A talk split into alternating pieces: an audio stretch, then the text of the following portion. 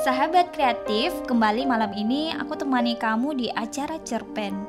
Dan kali ini cerpen dengan judul Menunggu yang Tidak Ada. Cerpen karangan Komang Arini.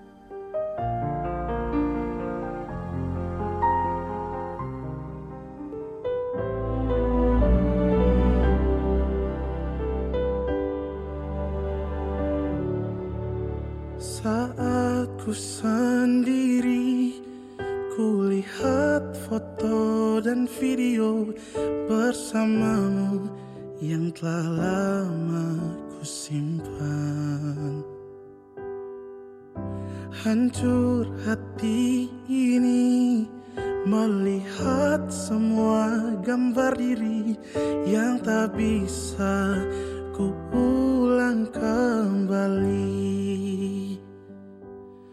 Ku ingin saat ini engkau ada di sini. Tertawa bersamaku seperti dulu lagi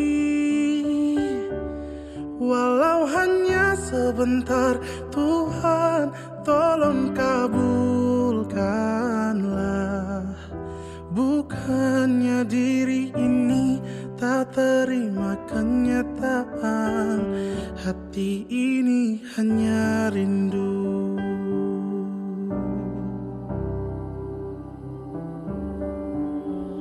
Segala cara telah ku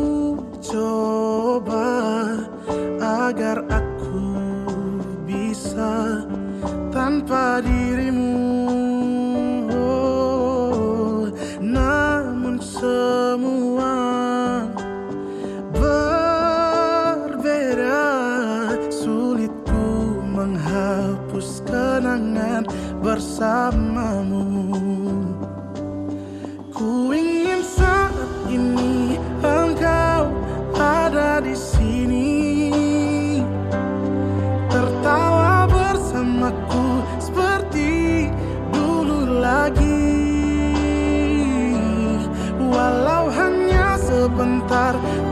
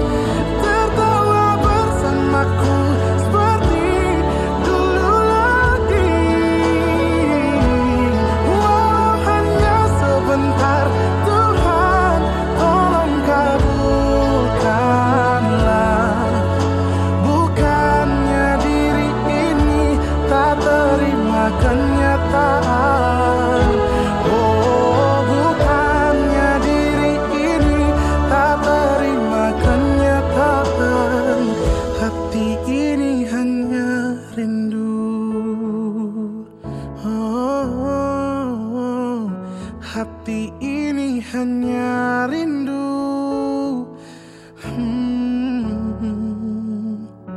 Ku rindu senyummu Ibu Kamu sedang mendengarkan Produ FM. Suara kreativitas.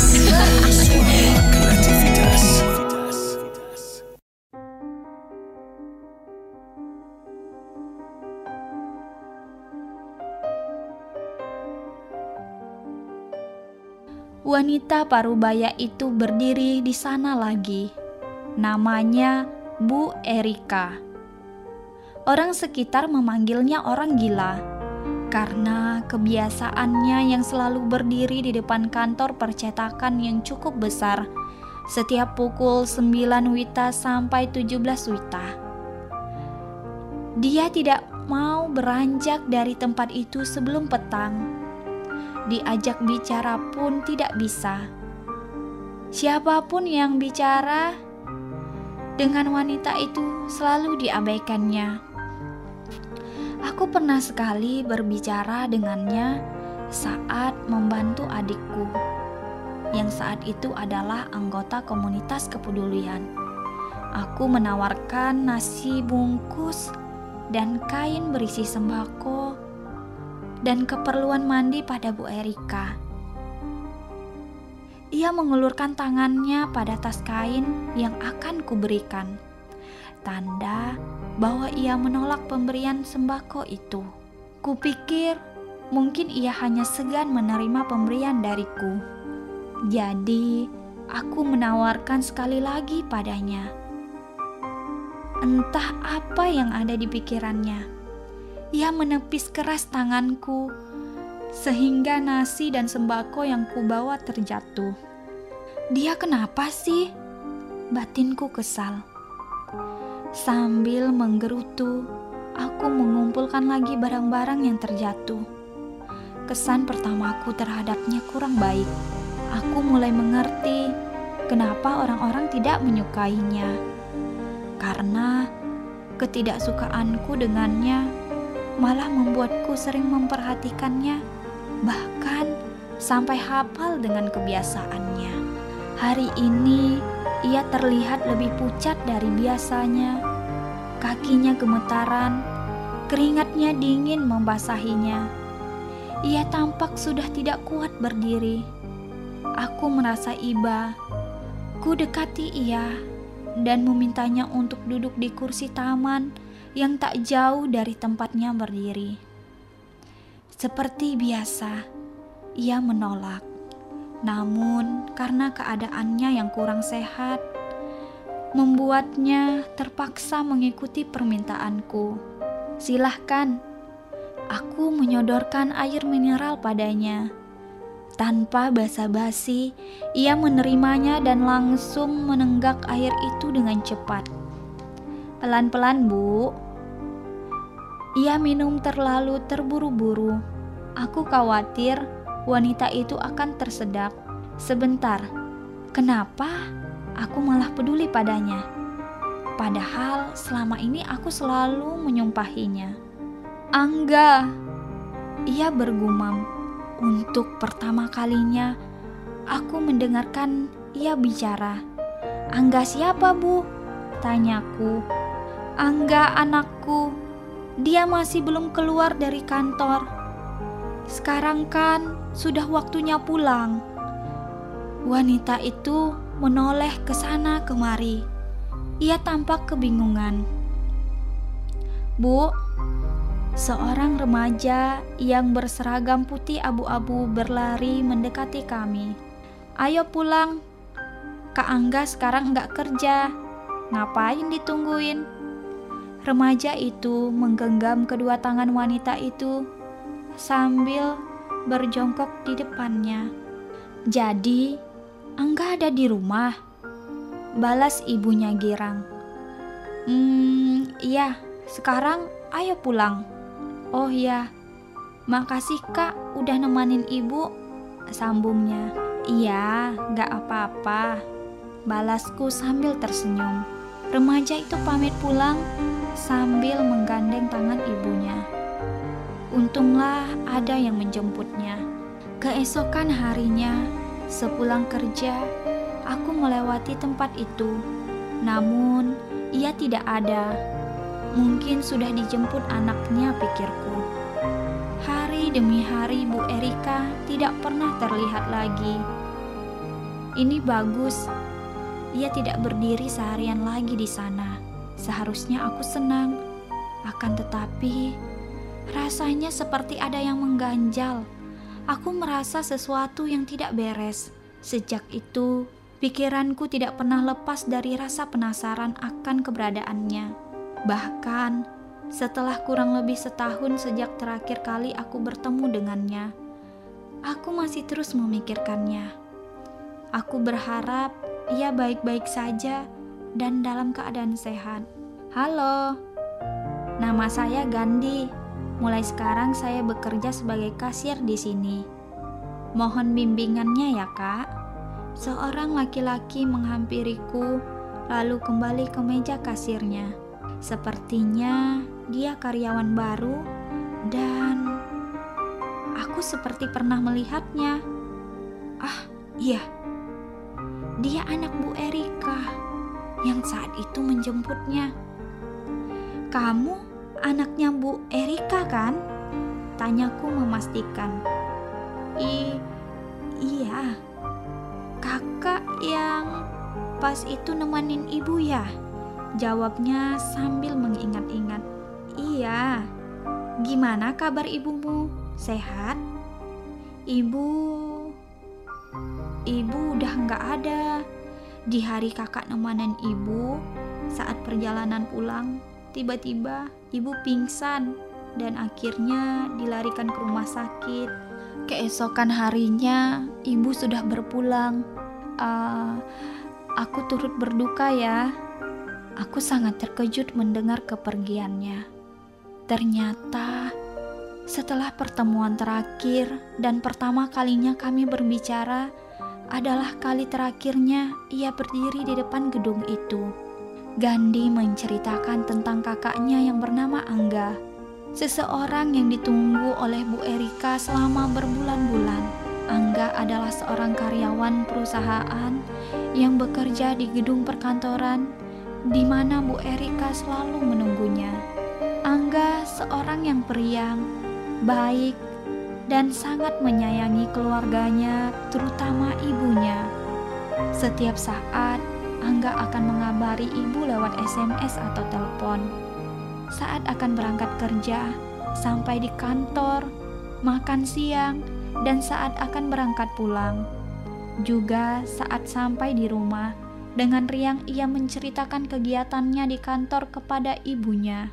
Sembari tertawa, Gandhi mengatakan bahwa kakaknya itu anak mami karena sifat manjanya dan selalu menempel pada ibunya.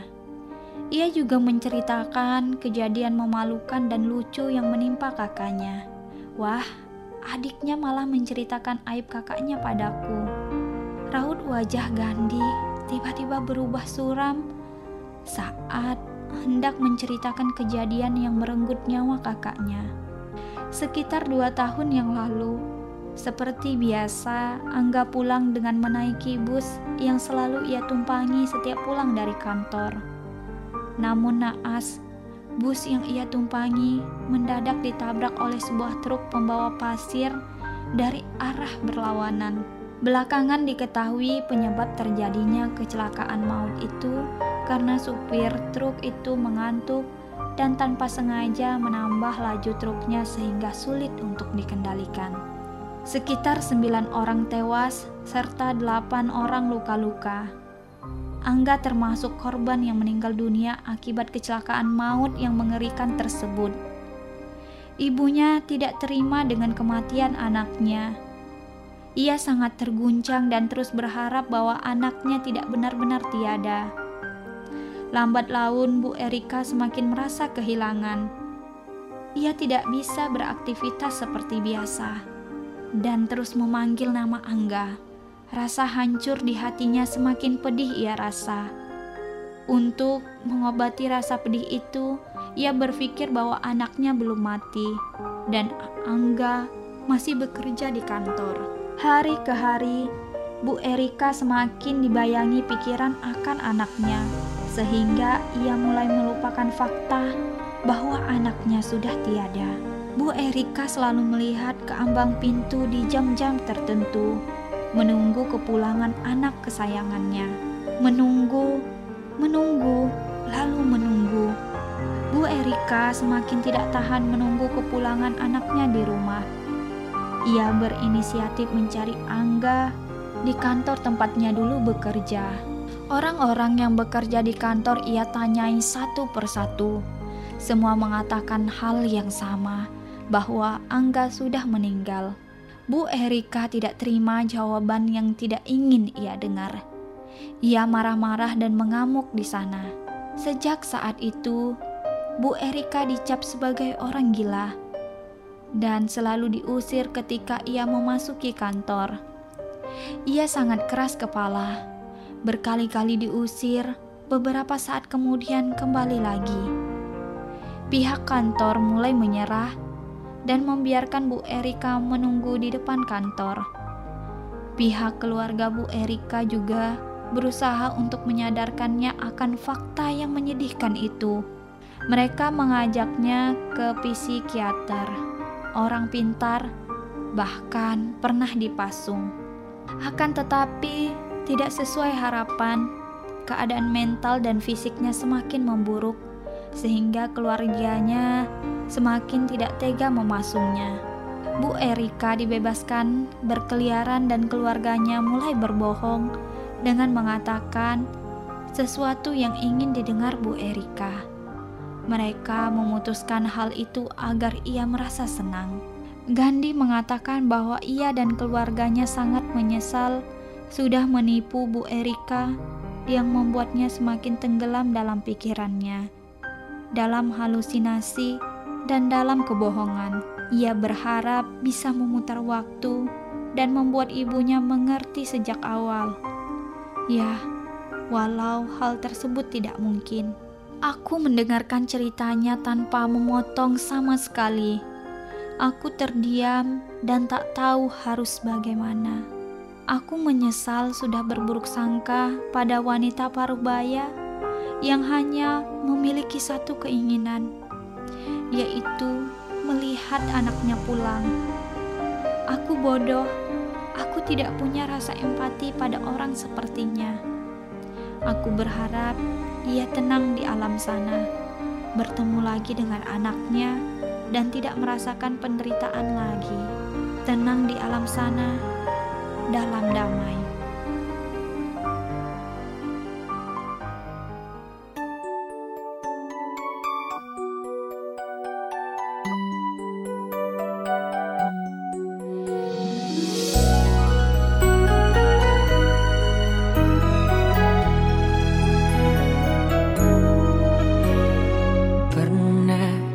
jatuh hati padamu sepenuh hati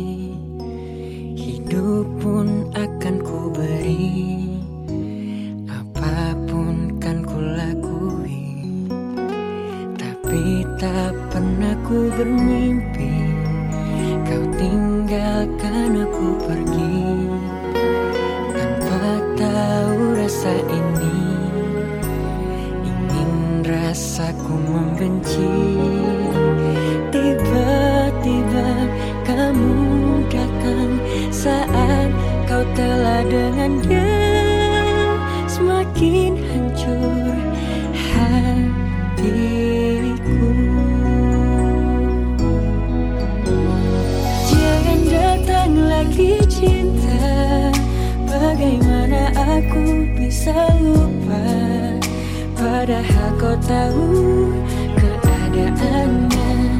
Kau bukanlah untukku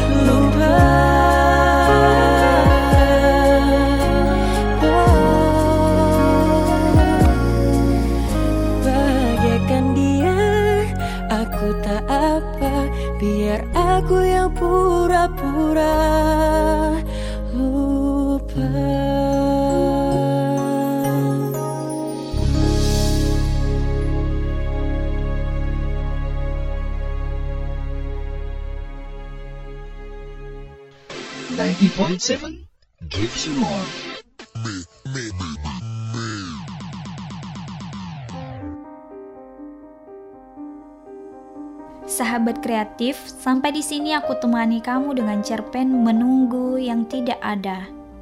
Cerpen karangan Komang Arini.